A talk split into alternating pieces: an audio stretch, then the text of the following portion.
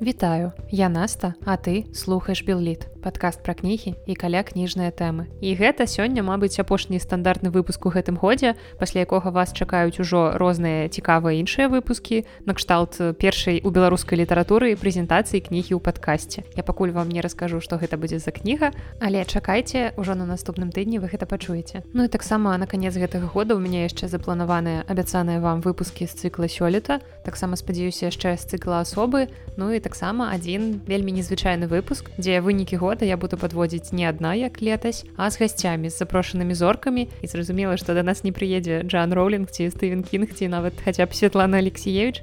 Але я абяцаю што ўсё роўна вам будзе не менш цікава Ну і раз год заканчваецца то хочацца яшчэ вам паспець расказаць пра добрыя кнігі якія я сёлета чытала можа нават і пра не вельмі добрыя вы ж таксама гэта любіце я ведаю. Ну але добрых сёння як звычайна будзе нашмат больш а пачнём акурат з добрай кнігі ці лепш я нават скажу нядрэннай. Яна не на 5 з 5 але я не расчараваная што гэтую кнігу прачытала і яна называется бунт на продажу. Как контркультура создает новую культуру потребления і гэтая кніга выйшла ў 2004 годзе. У арыгінале яна называется the ribble cell і я подазраю что ну мне так здаецца але не факт что гэта так але прям ну вельмі прыгожа. Подазраю что гэта адсылка да культавай песні ребл ел культавага чалавека з вельмі несціплым творчым псеўданімам якога завуць білі айдал і гэта можна перакласці як бунтарскі крык ці бунтарскі покліч я вельмі люблю гэтую песню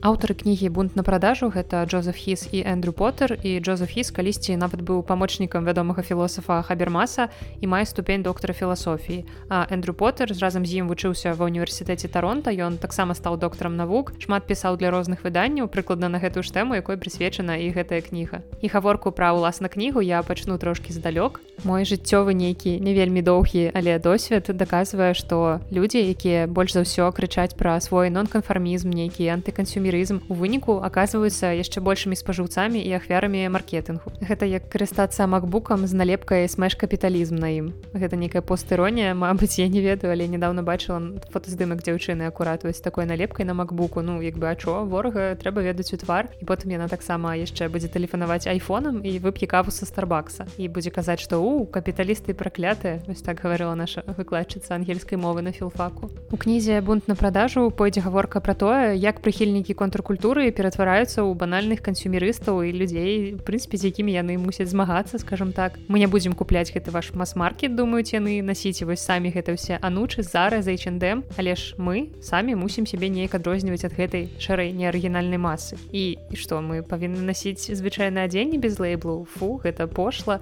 Нам трэба стварыць свае бренды больш правільныя бренды унікальныя бренды контркультурныя бренды а не гэты ваш увесь шыр спажыў. І простая белая майка за за 500 даляраў вось так выглядаюць звычайна іх бренды. Як бы но затое гэта не ваши аднолькавыя адыдасы і найкі і пляваць што ты пераплачваеш за нейкае глупства гэта насамрэч як мне здаецца падатак на наіўнасць і вось так ствараючы новыя контркультурныя бренды я тут раблю двукосці пальцамі маркетолагі завабліваюць наіўных людзей якія відаць не вельмі разабраліся не вельмі разумеюць у чым сэнс увогуле тэрміна контркультура. Затое яны неяк усе яны не ходзяць у гандлёвыя цэнтры за адзеннем як ва ўсіх. І мне згадваецца ў гэтай сітуацыі героя выдатнага эстонскага фільма клас 2007 года які выразаў нажніцамі бренды са свайго адзення. Напрыклад на майках звычайна злева на грудях лагатып. Напрыклад там фред пер лакост. Вось ён гэтыя лагатыпы выразаў і пакідаў на месца на гэтым дзірачку ў майцы. Гэта быў пратэст такі супраць масавасці і шэрасці. Але ў гэтым фільме насамрэч у гэтым быў большы сэнс чым купляць нейкія спецыяльна створаныя контркультурныя тут зноў я раблю пальцамі двукосі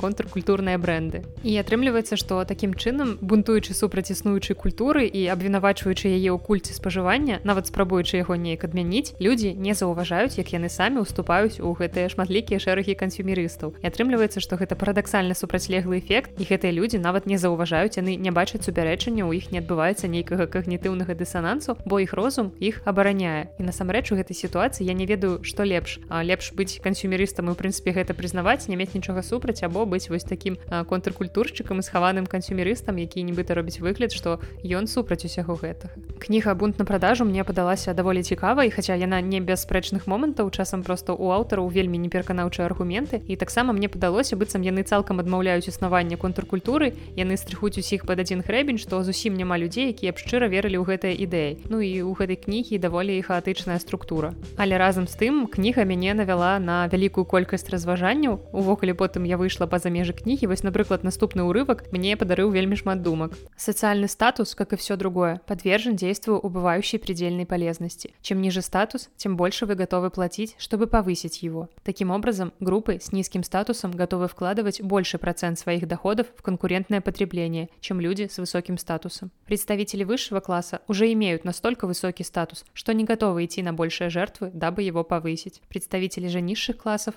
готовы пойти на это и гэта аккурат тлумачыць тое что вельмі часто апошнія айфоны на апошнія грошы ці увогуле ў крэдыт купляюць людзі якія сабе гэтага дазволіць не могуць. І натуральна што я не сцвярджаю што ўсе у каго iphone пантэрэзы гэта абсалютна звычайны ў наш час телефон просто многія людзі на жаль да гэтага часу жывуць у такім асяроддзі у якім наяўнасць айфона неяк павялічвае іх статус у вачах іншых. Або вось яшчэ адзін цікавы прыклад жыцця яшчэ одно маё назіранне. У адным сталічным не самым прэстыжным мікрараёне ангарская прывітанне ўсім хто мяне слухае з ангарскай абажаю ваш раён побач стаяць там некалькі інтэрнатаў. Гэта амаль на выхадзе са станцыі метро магілёўская на ўзгорку. І ў такіх умовах людзі жывуць ну амаль усё жыццё. І адгадайце якія аўтамабілі прыпаркаваныя побач з гэтымі інтэрнатамі. Можа быть там стаяць фольксвагены пасаты універсалы вось тыя самыя з песні вольскага.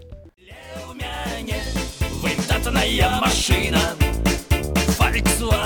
Passat универсал ці можа там прыпаркаваны якія-небудзь жыгулі ці старыя танныя фордзікі опелі. І сапраўды такія машыны там таксама ёсць. Але вельмі часта под вокнамі інтэрнатаў мяне здзіўляюць добрыя аўтамабілі цана якіх прыкладна як цана ў аднапакаёўкі ў мінску. І можа ну як бы не вельмі вялікай адрамантаванай але гэта ўсё роўна ваше жыллё якое з цягам часу у прынцыпе за невялікія грошы можна ператварыць у аўтульнае месца для нармальнага жыцця. Але не нафіга гэта ўсё патрэбна калі можна ганяць на крутой тачцы але пры гэтым гэтым жыць у пяцёх у інтэрнацкім пакоі. І я ў прынцыпе неяк далёка ад таго каб гэтую жыццёвую філасофію зразумець. Тут кожны для сябе сам расстаўляе прыярытэты бо знаёмыя з большай верагоднасцю цябе ўбачыць на крутой тачцы а не ў пакойчыку ў інтэрнаце памерам 10 квадратных метраў.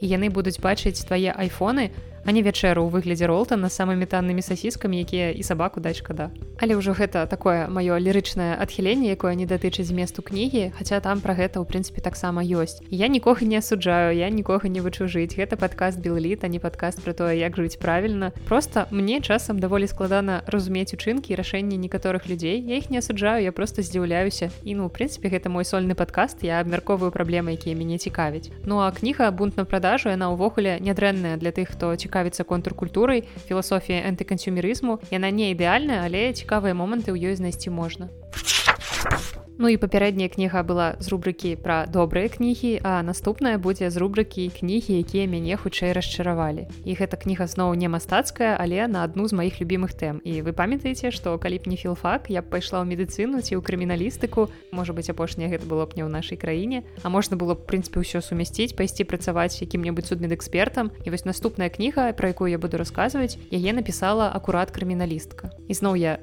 прайду да кнігі праз пэўныя лірычныя адхіленні бо апошнім часам мне трапляецца нон-фікшн які напісаны вельмі сумна і суха прычым я ж не бяру нейкія сур'ёзныя навуковыя выданні якія сапраўды мусяць быць так напісаныя. Я звычайна бяру навукова-папулярныя выданні у якіх усё ж такі больш папулярнага але гэта наадварот толькі ў плюс кнізе і ўвогуле я за вечар часам магу праглынуць цэлую кнігу напрыклад пра прафесію слесара і застацца ад яе ў захапленні толькі таму што аўтар можа захапіць сваёй гэтай здавалася б не самай займальнай прафесіі напрыклад я магу згадаць кнігу Кетлін Даўці, когда дым засцілает глаза, гэтую кнігу напісала дзяўчына, якая працавала ў крэматорыі. Ну мне б ніколі ў галаву мабыць не прыйшло б чытаць кнігу падобную але я чула пра яе шмат добрых водгукаў. Я прачытала і гэта аказалася просто неверагодна цудоўная вельмі пазітыўная кніга пра любоў да жыцця і пра жыццё ў прынцыпе нягледзячы на тое што чалавек працуе ў крэматорыі і таксама у кетлендаўці ёсць класны блог дзе яна расказвае пра сваю працу. І вось гэта быў прыклад таго як чалавек з не вельмі цікавай для мяне прафесіі напісаў неверагодна захапляльную кнігу тому что ён мае талент дапісання вось у яго склалася гэты талент у ягонай прафесіі з талентам дапісання і чалавек расказаў пра сваю працу так што захапіў людзей увогуле з іншых сфер. Але даволі часта вось такія навуковыя папулярныя кнігі ад людзей пэўных прафесій ператвараюцца ў вельмі нудныя кнігі якія радуюць цябе толькі вось асобнымі фактамі пра гэтую справу а гэтыя факты ўвогуле можна было прачытаць дзе заўгодна і не траціць на гэта час каб чытаць цэлую кнігу дзе гэтых фактаў ну мінімум. І калі вы слухали мінулы выпуск то прыкладна так жа я адгукалася пра кнігу 30 нобелеўскіх прэмій і вось наступную кнігу я магу назваць таксама топ цікавых фактаў пра крыміналістыку але сама кніга аказалася нуднай. І я буду расказваць пра кнігу брытанскай крыміналісткі Анджелы Гэлап і кніга называется когда сабакі не лают. Пусть крыміналіста ад смелых предположений да неопровержимых доказательств яна выйшла 2019 годзе. І гэта такі рэдкі выпадак калі расійскія выдаўцы лакалізатары не адыходзілі ад арыгінальнай назвы і пераклалі кнігу абсалютна нармальна без клікбейтаў яна также называется ў арыгінале. І уласна купіць гэтую кнігу я ўсё ж таки не рашылася тому что я паглядзела на хутрыцу яе рэйтынг 353 гэта такі званочак мне падаецца что гэта нешта значыць. Я знайшла кнігу ў пушкінскай бібліятэцы і ў чарговы раз я падзякавала стваральнікам усіх гэтых сервісаў з ацэнкамі кніг за свае сэканомленыя грошы. Просто страшно уявіць ад якой колькасці імпульсіўных пакупак яны мяне збераглі вось гэтай суровай канстатацыі лічбаў ацэнак чытачоў. І вось я атрымаю ў руках зноў даволі сумны нон-фікшн пра неверагодна цікавую для мяне ну і мне здаецца увогуле прафесію. Анжела Гэлап яна пачынала свой шлях крыміналіста ў экспертна-крыміналістычнай службе міністэрства ўнутраных спраў Вкабрытаніі і ў кнізе яна апісвае некаторыя самыя запамінальныя справы з якімі ёй даводзілася працаваць і таксама дзеліцца гісторыяй і развіццём судовай медыцыны ў Вкабрытаніі і вось гэтыя запамінальныя справы яна расказвае вельмі мімаходзь на жаль. Яна пачынае такую цікавую завязку нейкае здарэнне злачынства якое адбылося а потым кажа такая ой ну ведаеце а я нават не ведаю что там як скончылася вось так. Карацей яна нам дае завязку злачынства але не расказвае як скончылася гэтае злачынства у сэнсе ці быў нехта пакараны за гэтае злачынства ці знайшлі гэтага чалавек ці не знайшлі. Просто таму што яна не памятае яна зрабіла сваю справу ёй астатня ўжо не цікава. Мне здаецца гэта не самы лепшы падыход. Ну і нават тое як яна апісвае забойствы пераказвае іх сваімі словамі гэта просто смяротная нуда. І ў кнізе быў толькі вось адзін момант які прымусіў мяне усміхнуцца але ён быў толькі адзін Полицейские, составляя психологический профиль убийцы, пришли к выводу, что тот совсем поехавший. Але я думаю, што тут нават за гэты момант трэба дзякаваць рускаму перакладчыку, а не аўтарцы, вось што ён так удала падабраў словы. Я не ведаю, як там у арыгінале, але не думаю, што нейкія такія словы ўжывала паўтарка. Ну і вось акрамя гэтага моманту у астатнім кніга напісаная вельмі сухой, вельмі навуковай мовай і гэта нядрэнна, але проста яно звужае кола патэнцыйных чытачоў, бо выглядае як навуковая справаздача, а не нейкая там займальная навукова-папулярная кніга пра гэтую няпростую і вельмі цікавую прафесію. І я б нават назвала Анжелу скрупулёзнай, таму што часам яна завастрае увагу на такіх сумных дробязях якія абсалютна нікому не цікавыя акрамя яе калег Ну і далей калі Анжела пачала расказваць пра то як яна адкрыла ўласную крыміналістычную лабараторыю тады кніга ўвогуле стала падобная да падручніка па бізнес-планаванні. Так што традыцыйна я гэтую кнігу нікому не раю па гэтай тэме можна знайсці больш цікавыя выданні я далей назову некаторыя. Але факты якія я запазычыла з гэтай кнігі я сёння вам раскажу. Напрыклад у той лабараторыі дзе спачатку працавала аўтарка кнігі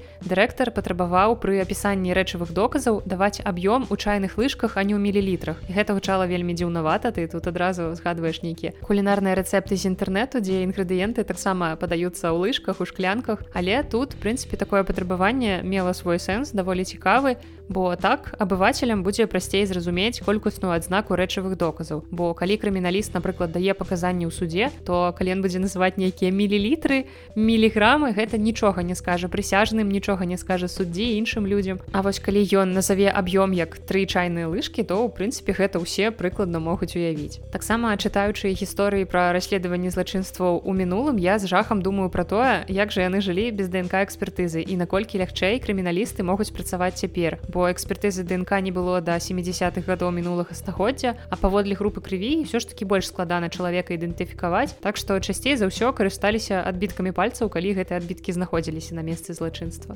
І ўжо паўнавартасную днк экспертызу пачалі ўжываць толькі ў сярэдзіне 80-х это блин зусім нядаўна было. І гэта прынцыпе лічыцца найважнейшым дасягненнем у крыміналістыцы. Але нават першыя гады калі гэта толькі з'явілася вось у 80 у 90 гэта было вельмі складана і вельмі дорага. Я вам раскажу у адным з наступных выпускаў ужо ў наступным годзе пра кнігу расійскай журналісткі саша сулім безлюднае место я прачытала яе сёлета і гэта кніга расказвае гісторыю ангарскага маньяка михаила папкова які шмат гадоў гвалтаваў забіваў жанчын у горадзе ангарск іркутскай вобласці рассіі але злавілі папкова толькі нядаўна і гэта адбылося вось менавіта дзякуючы днк экспертызе бо экспертызы праводзіліся ў тыя часы вельмі рэдка. Бо для таго каб праверыць адзін узор днк трэба было шмат грошай і ўсё гэта расцягвалася і таму просто узоры днк якія фігуравалі ў гэтай справе іх правяралі просто гадамі. Гэта вельмі страшна і добра што ўсё ж такі гэтага чалавека злавілі. Про гэтую кнігу раскажу вам там увогуле вельмі шмат цікавага ў гэтай гісторыі адбывалася про то як працуе расійская міліцыя. Я думаю што не моцна адрозніваецца ад нашай і гэта ўсё вельмі страшна. А ў нашы часы асноўныя тыпы доказаў крыміналістыцы гэта фізіялагічныя вадкасці і тканкі таксама гэта звязаная з намі днк адбіткі пальцаў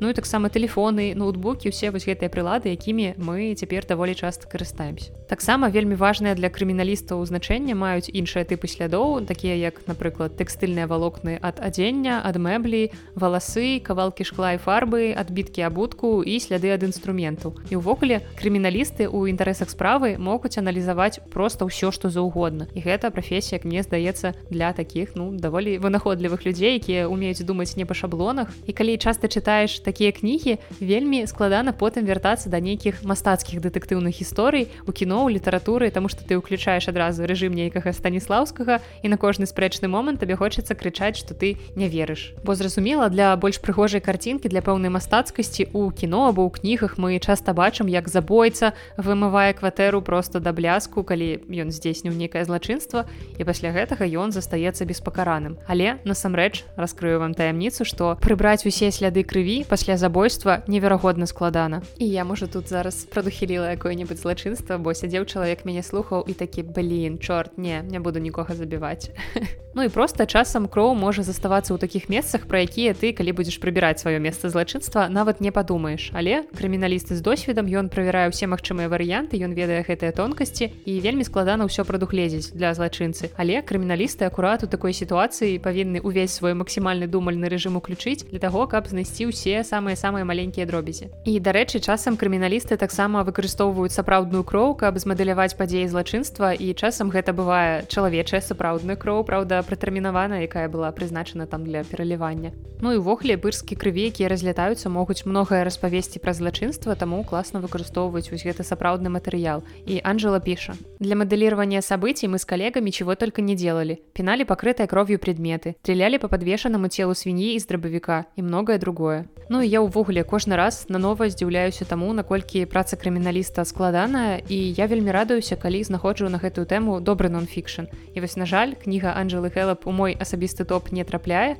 яна с трэскам просто правалілася ў гэтым. Затое я магу вам параіць кнігу якая называется анатомія преступления яе написала вэл макдермит і яна не крыміналістка. Яна просто пісьменніца якая працуе жанры дэтэктыву. Але для таго каб прабіць сваю справу добра каб чытачы просто не ляпалі сябе далонямі па твары ёй даводзіцца дасканала вывучаць чужую працу. Таму калі раптам сярод маіх слухачоў ёсць людзі якія ведаюць добрай кнігі на гэтую тэму то дзяліцеся калі ласка са мной у каментарях Ну і ад такіх сур'ёзных і часам нават страшных, бо ўсё ж такі рэальных кніг мы звернемся да мілай беларускай дзіцячай падлеткавай літаратуры. Праўда, мілая яна толькі ўмоўна, ўсё ж такі гэта даволі сур'ёзная і актуальная літаратура, тое, што нас наперадзе чакае. І я думаю, што вы разумееце, літаратура ва ўсе часы адгукалася на грамадска-палітычныя падзеі. Яна адгукалася як магла і хтосьці вельмі шчыра, вельмі непрыхавана выказваў свае думкі ў літаратуры і за гэта быў пакараны. І хтосьці рабіў гэта не так у лоб, каб ты каму трэба яны ўсё роўна маглі гэтыя падтэксты расчытаць. І вось такая штука ў літаратуры называется эзопава мова Я думаю вы чулі імя байкапісца эзопа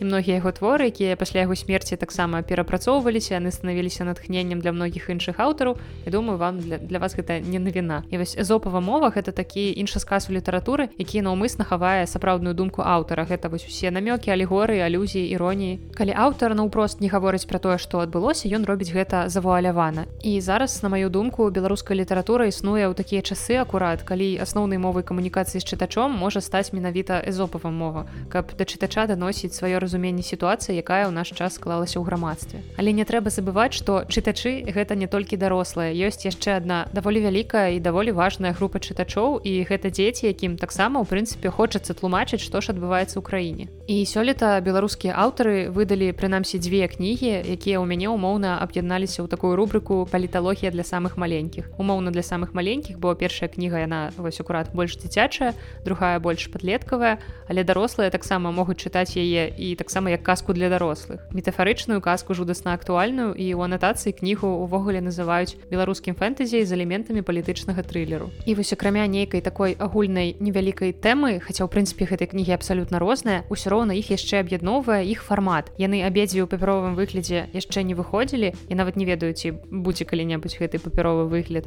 адна кніга існуе толькі ў аўдыафармаце яе можна паслухаць бясплатна а другую кнігу можна купіць у электронным выглядзе я вам потым калі буду пра кожную кнігу расказваць раскажу канкрэтна усе спасылкі все дам і пачнём мы з аўдыо першая беларуская дзіцячая кніга про якую я вам сёння раскажу гэта працяг прыгод катаж прота якога ўжо полюбілі многія дзеці. І пісьменніца і перакладчыца Ганна Янкута напісала ўжо трэцюю кнігу пра гэтага мінскага кота які жыве з гаспадарамі на завулку калініна ў мінску. Ён жыве з хлопчыкам алесем і з ягоным бацькам. Гэтая кніга выйшла толькі ў аўдыафармаце под назвай коч проты вежавы гадзіннік яе агучыў акцёр Миколай стонька з цэлым музычным гукавым суправаджэннем з вельмі пазнавальнай вокладкай якую зноў намалявала лілія давыдоўская якая акурат ілюстравала дзве папярэднія кнігі пра шпрота. І вось гэта было адзінае маё шкадаванне ў сувязі з гэтай кнігай што папяровага фармату няма я не змагу пагартаць не змагу паразглядаць гэтыя цудоўныя ілюстрацыі якія зрабіла лілія я ведаю што лілія таксама слухае мой падкаст перадаю ёй прывітанне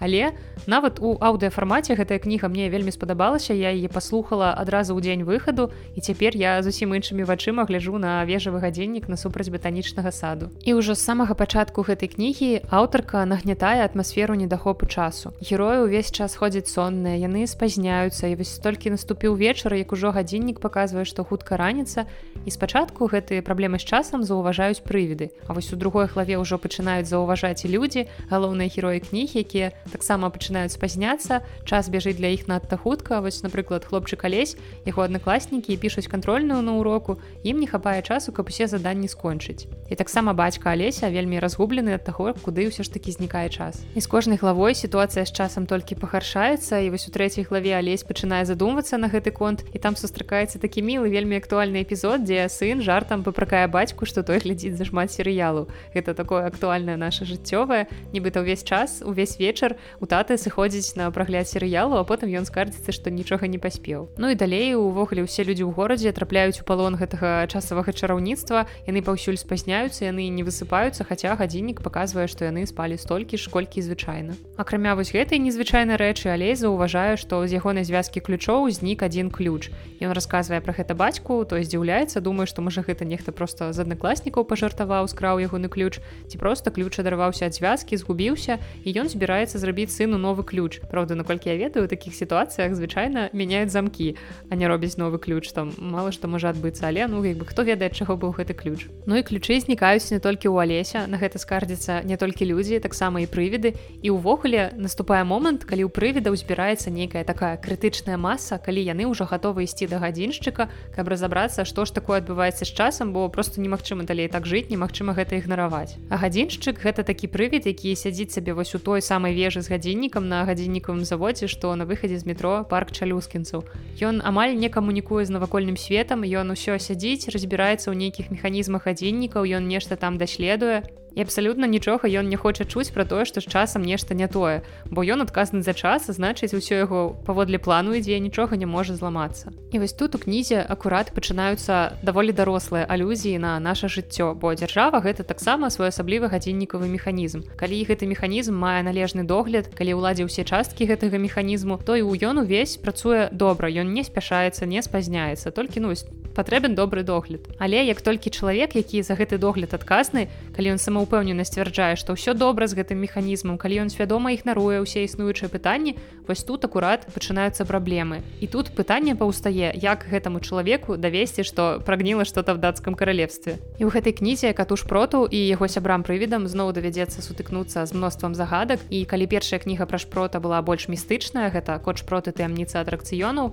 другая кніга коч проты зніклы мышамабіль гэта такі цікавы дэтэктыў то гэтую кнігу я магу назваць у пэўнай ступені нават грамадска-палітычнай бо нягледзячы на тое што кніга дзіцячая у ёй уздымаюцца вельмі сур'ёзныя праблемы вось так завуалявана і прыхавана. І для нас гэтыя праблемы акурат цяпер актуальныя і вельмі балючыя. Напрыклад у пятай главе хлопчык чуе што на вуліцы нейкі шум. Ён просіць тату пайсці паглядзець туды на гэтую вуліцу. І аказваецца што ўздоўж вуліцы стаяць жанчыны з кветкамі а кіроўцы якія там праязджаюць міма вітаюць іх аўтамабільнымі гудкамі. Я нагадваю што падзеі ў гэтай кнізе адбываюцца на пачатку восені. Год не называецца але мы у прынцыпе ўсё разумеем чаго яны там стаяць спытаў алесь яны прыйшлі сюды бо ім не падабаецца штосьці што адбываецца ў горадзе і каб іх меркаванне пачулі яны выказваюць яго такім чынам гэта называется пратэст а кветкі ім навошта? Так яны паказваюць што ў іх мірныя намеры І што, гэта можа нешта змяніць? Вядома, пра іх нязгоду даведаюцца іншыя і, магчыма, таксама далучацца. Чым больш людзей, тым лепш. Мы ж вось звярнулі на іх увагу. І вось тая самая паліталогія для маленькіх, пра якую я казала на пачатку, ці нават пратэсны рук для чайнікаў, бо як патлумачыць дзецям, што ў вашым горадзе адбываецца, бо мне здаецца толькі сляпы глухія, які на вуліцы горада яшчэ год таму не выходзіў, мог не ўбачыць, што адбываецца. І мне здаецца, алесю тата тут. Акурат бліскуча справіўся з задачай, патлумачыўшы сыну, што ў людзей ёсць голас і калі нешта іх не задавальняе ў родным горадзе, яны гэты голас могуць узняць вышэй. Бо яшчэ ў мінулым годзе я назірала сітуацыю, калі судзячы па ўзросце бабуля з унукам выйшлі з падземнага пераходу і ўздоўж дарогі акурат стаялі людзі з кветкамі. І калі малы спытаў што адбываецца бабуля яму злосна адказала нешта кшталту заняцца ім больше нечым. Я думаю што толькі наяўнасць унука побач яе ўтрымала ад менш культурных слоўцаў Ну а сцэна убачаная алесем у творы пазней запускае цэлы ланцужок падзей які дапамагае ў вырашэнні праблемы з гадзіншчыкам калі прывіды збіраюцца на пратэст супраць яго. І кніга мае добры фінал як амаль любая дзіцячая казачная гісторыя але ці можа так адбыцца ў рэальным жыцці? Мне вось хочацца трошки памарыць. Для дзетак гэтая кніга таксама мае пазнавальны элемент. Можна вывучаць з дзецьмі механізмы старажытных і сучасных гадзіннікаў вучыцца таксама вызначаць час. Можна нават разабраць які-небудзь стары гадзіннік паглядзець як там уладкавана ўсё ці нават дадаткова глядзець якія-небудзь відэа на Ютубе на гэтую тэму. Карацей можна выходзіць далёка за межы кнігі.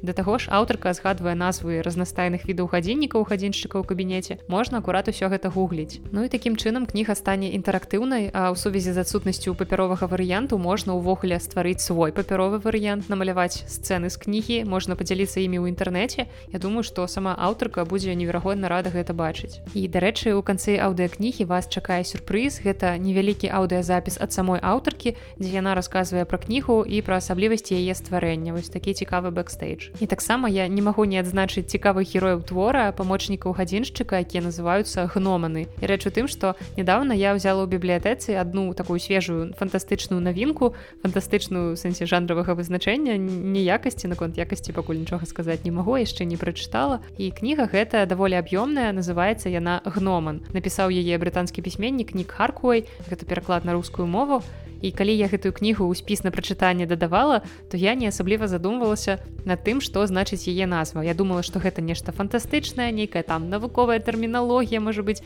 гэта ў кнізе будзе тлумачыцца ці ўвогуле гэта там чы ёсць імя. Але дзякуй дзіцячым кнігам якія запаўняюць прабелы ў маёй адукацыі. Бо з новай кнігі Ганны я акурат даведалася што гноман гэта дэталь самага старажытнага ў свеце гадзінніка. Вось калі не было нармальных гадзіннікаў прывычных нам людзі ўтыкалі ў зямлю палку гноман гэта такі сонечны сонечны гадзіннік і вось цяпер гадзіннікі гэта больш складаныя механізмы але назва карузліка ў кнізе захавалася яны гноманы яны крыўдзяцца калі іх называць гномамі сам ты гном адказаў адзін з гноманаў героем кнігі я пакуль яшчэ не ведаю ці будзе гэты гадзіннікавы гноман мець дачынення да зместу кнігі гноман але калі яе прачытаю то абавязкова вам раскажу. Але мне цікава як у маім жыцці пераплетаюцца вось такія абсалютна розныя кнігі. І калі вы зацікавіліся кнігай коч проты вежавы гадзіннік то я вас запрашаю у апісанні да гэтага выпуску. Там можна знайсці спасылку на soundundcloud дзе кнігу можна паслухаць абсалютна бясплатна можна спампаваць выпускі дзяліцца сябрамі. І аўтарка акурат падкрэслівае што для яе важна каб кніга распаўсюджвалася бясплатна. Таму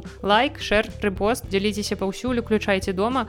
Але спачатку даслухайце мой выпуск. Тут засталося зусім трошки Ну і пераходзім да другой кнігі з рубрыкі паліталогія цяпер ужо паліталогія для больш дарослых дзетак і гэтым летам Альгерд бахарэвич парадаваў нас чытачоў адразу дзвюма кнігамі праўда абедзве выйшлі ў электронным фармаце і многія стараверы адэпты секты толькі папера толькі хардкор могуць гэта палічыць мінусам але я лічу гэта вялікай вартасцю бо у часы калі беларусаў раскідала па ўсім свеце кніга акурат мусіць стаць вельмі даступнай штукай даступнай не ў плане нейкіх цэн а даступнай у плане доступу да іх у нас і так на жаль няшмат сучасных электронных кніг і таму беларускія чытачы якія жывуць за мяжой фактычна ад бягучага літаратурнага працэсу адарваныя бо дасылаць кнігі за мяжу гэта даволі дорага. Цана перасылкі можа перавышаць цану нават некалькіх кніг. Таму у такіх сітуацыях вось электронныя аўдыокнігі акурат становіцца выратаваннем. І пра беларускія аўдыокнігі я вам рассказывала ў 51 выпуску подкаста дзе іх можна купіць дзе іх можна паслухаць. А сёння я раскажу пра адну з двух навінак альгерта бахарэвича якую можна купіць у электронным фармаце на сайце літрэс усе спасылкі будуць у апісанні да выпуску. І як я адзначыла ўжо раней жанр кнігі тэатр шчаслівых дзяцей гэта беларуская фэнтэзі з элементамі палітычнага трылеру. Ўжо так даволі інтрыгуе але гэта няпростая фантазійная казачка для дзяцей які нібыта там трапілі ў іншае вымярэнне дзе пануе туман. Гэтая казачка под больш пільным позіркам ператвараецца ў падручнік па палітычнай гісторыі сучаснай беларусі. І гэта не толькі каб патлумачыць нешта дзецям але таксама гэтая кніга важна і для дарослых каб гэта ўсё пераасэнсаваць у такім фармаце скажем альтэрнатыўнай нават гісторыі. І чаму я маю на увазе альтэрнатыўную гісторыю то слухайце далей вы зразумееце. Ну а завязка кнігі пачынаецца ў звычайнай кватэры ў мінску дзе лявон юля і анцік трое сяброў застаюцца ў кватэры под наглядам загадкавага такога чалавека якога завуць кабінет кабінетавіч гэта дарослы сябар бацькоў лявона а самі бацькі адпачываюць на нейкім там дарослым мерапрыемствы і таму у дзяцей такая своеасаблівая піжамная вечарына з начоўкай. І кабінет кабінет кабінетавіч гэты ён вельмі дзіўны чалавек ён адразу зачыняецца ў пакоі нібыта піша раман просіць каб дзеці яго не турбавалі і не шумелі. І нечакана ў доме знікае святло і разам са святлом знікае і адзіны дарослы чалавек у кватэры. І да таго ж у кватэру да лявона пачынае ламіцца нехта незнаёмы і таксама там пачынаецца пажар. Карацей такая даволі дынамічная завязачка. І спалоханыя дзеці не знаходзяць больш нейкіх разумных лагічных варыянтаў чым просто скокнуць у акно і бегчы падалей ад дома. Яны заскокваюць там у нейкі першы аўтобус які іх вязе кудысьці невядома куды. І далей тут я не буду раскрываць усе таямніцы нейкія спойлерыць падрабязнасці завязкі але магічным чынам гэты аўтобус прывозіць дзяцей у нейкае ну скажем паралельнае вымярэнне якое называется княства туманаў княства туманаў вялікае схіліў галаву зух. Тут у вялікім тумане мы ўсе і жывем. Нараджаемся і паміраем. Ратуемся ад ворагаў і працуем. Пяем песні і спрабуем не памерці з голаду. Тут у хушчарах вялікага туману стаяць замкі і гарады вежы і лясы. Тут у тумане цякуць цёмныя рэкі. Іншага свету я ніколі не ведаў, але сярод туману можна жыць і заставацца чалавекам, асабліва калі ў цябе ёсць штосьці каштоўнае, такое, чаго няма ні ў кога. І там сапраўды паўсюль туман, з яго зробленыя будынкі, на ім ты спіш ноччу і каб вярнуцца ў сваю рэальнасць у свой свет, дзецям спатрэбіцца тры магічныя словы, якія трэба вымавіць у твар галоўнакамандуючаму гэтага княства. І вось тут акурат пачынаюцца прыгоды дзяцей у гэтым новым нечаканым свеце і героі пачынаюць абмяркоўваць месца у якім апынуліся яны там крыху разглядаюцца і як толькі яны пачынаюць разумець як у гэтым княстве туману ўсё ўладкавана то яны параўноўваюць яго са сваёй краінай наколькі ім дазваляюць веды гісторыі. Яны вось у гісторыі знаходзяць нечаканыя паралелі з якіх мы разумеем што падзею кнізе адбываюцца ў скажем недалёкай будучыні. Гэта праз 10 гадоў ад нашага часу. І памятаеце што вось у папярэдняй кнізе ў ганны янкуты героі бачаць людзей з кветкамі ўздоўж дарогі. І вось у гэтай кнізе бахарэвіча так таксама ёсць такія тыповыя маркеры нашага часу. Напрыклад вось што расказвае юлі лявон о успомню успомню. Я жывы у бяспецы і на свабодзе гэта мае бацькі так казалі. Яны ж таксама выганялі таго агіднага кіраўніка які называў сябе прэзідэнтам. І гэта іхная фраза з тых часоў. Так тата пісаў маме ў чат або мама тату калі яны гублялі на вуліцах адно аднога і я думаю вы цяпер разумееце чаму гэтую кнігу мы можемм чытаць толькі ў электронным выглядзе. Ну і чаму я ў пачатку сказала пра альтэрнатыўную гісторыю. 10 гадоў таму жыхары нашай краіны выйшлі на вуліцы каб прагнаць злога і жорсткага кіраўніка. Ім надакучыла жыць як у тумане. Бо гэты хм, як бы яго назваць гэты вельмі злы чалавек які любіў толькі сябе ператварыў усю краіну ў цёмнае непрыгожае месца дзе ніхто не верыў ні ў сябе ні ў будучыню. А хто хацеў верыць таго каралі. Кідалі ў турму Уяўляеце, людзі жылі, нібы час спыніўся, а кіраўніку толькі гэтага было і трэба. І вось людзі проста сказалі яму: хопіць, мы не збіраемся больш цярпець сыходзь сказалі яны. І цяпер героі кнігі жывуць ужо ў будучыні да якой нам тут яшчэ трэба дайсці. Все ж таки хочацца верыць што гэтая кніга ніякая не альтэрнатыўная гісторыя а самая сапраўдная рэальная хаця трошку прыспешаная. Людзі выйшлі на вуліцы шмат тысяч людзей і сказалі каб гэты кіраўнік сыходзіў. І тады гэты чалавек які называў сябе прэзідэнтам кінуў на людзей сваіх слух з усёй страшнай зброі якую яны мелі. Уяўляеш на людзей без зброі ён кінуў усё сваё войска і ўсю паліцыю і ўсе свае таемныя службы. Людзей білі і забівалі людзей саджалі ў турмы. Нават тых хто нічога не рабіў. У нашай краіне жыць было страшна. Але людзі не здаліся І вось такімі кароткімі экскурсамі ў гісторыю беларусі нашы героі працягваюць падарожжа па княстве туманаў і ўвесь час яны трапляюць у нейкія непрыемныя здарэнні. То яны трапяць у турму то ў нейкі прыгонны тэатр.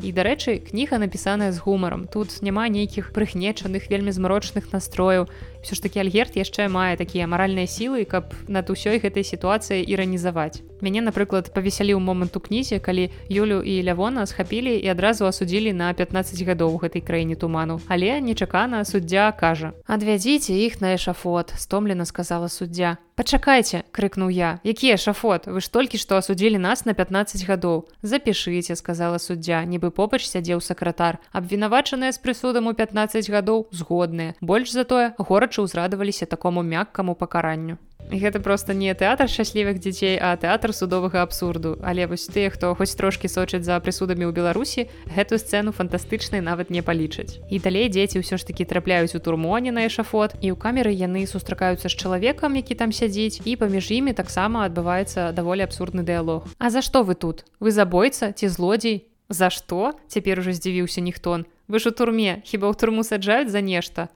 У нас так сказаў я. Праўда Юля? Мілае наіўнае дзіця. Лявон якое жыве ў будучыні я ажно зайздрошчу яму. І далей ніхто на ўсё ж такі тлумачыць прычыну і тут нам становіцца ўжо зусім не смешна А за што вас усё ж сюды пасадзілі? Я проста ішоў па вуліцы сказаў ніхтон пазаўчора нёс хлеб да хаты і мяне схапілі у турму садзіць для таго каб іншыя баяліся. І яшчэ адзін прыпынак для дзяцей на шляху да выбаўлення з краіны туманаў гэта тэатр. І пастаноўка у якой яны прымаюць удзел робіцца акурат для галоўна камандуючага і для дзяцей гэта магчымасць вымавіць тры тыя важныя словы якія патрэбныя для вяртання ў сваю рэальнасць са сцэны у твар гэтаму галоўна камандуючаму але пакуль дзеці займаюцца рэпетыцыямі і спектаклю іх проста неверагодна займальны паслухайце далей. Сюжэт у яго быў просты у адным доме жыло некалькі сем'яў. У кожнай мама, тата і падвое дзяцей. Мама і таты былі нейкія дзівакі. Увесь час толькі пілі гарэлку і калолі сабе рукі вялізнымі шпрыцамі, а яшчэ цалаваліся і танчылі пад загадкавымі сцягамі.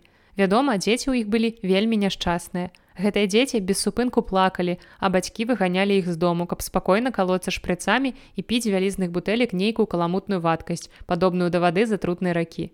І ведаеце, я не здзіўлюся, калі пабачу такія пастаноўкі ў нашых сучасных школах. Это як у вершы памяці намётаў на плошчы кастуся каліноўскага, які Андрей Хаданович напісаў у 2006 годзе паводле матываў вось тых палітычных падзей.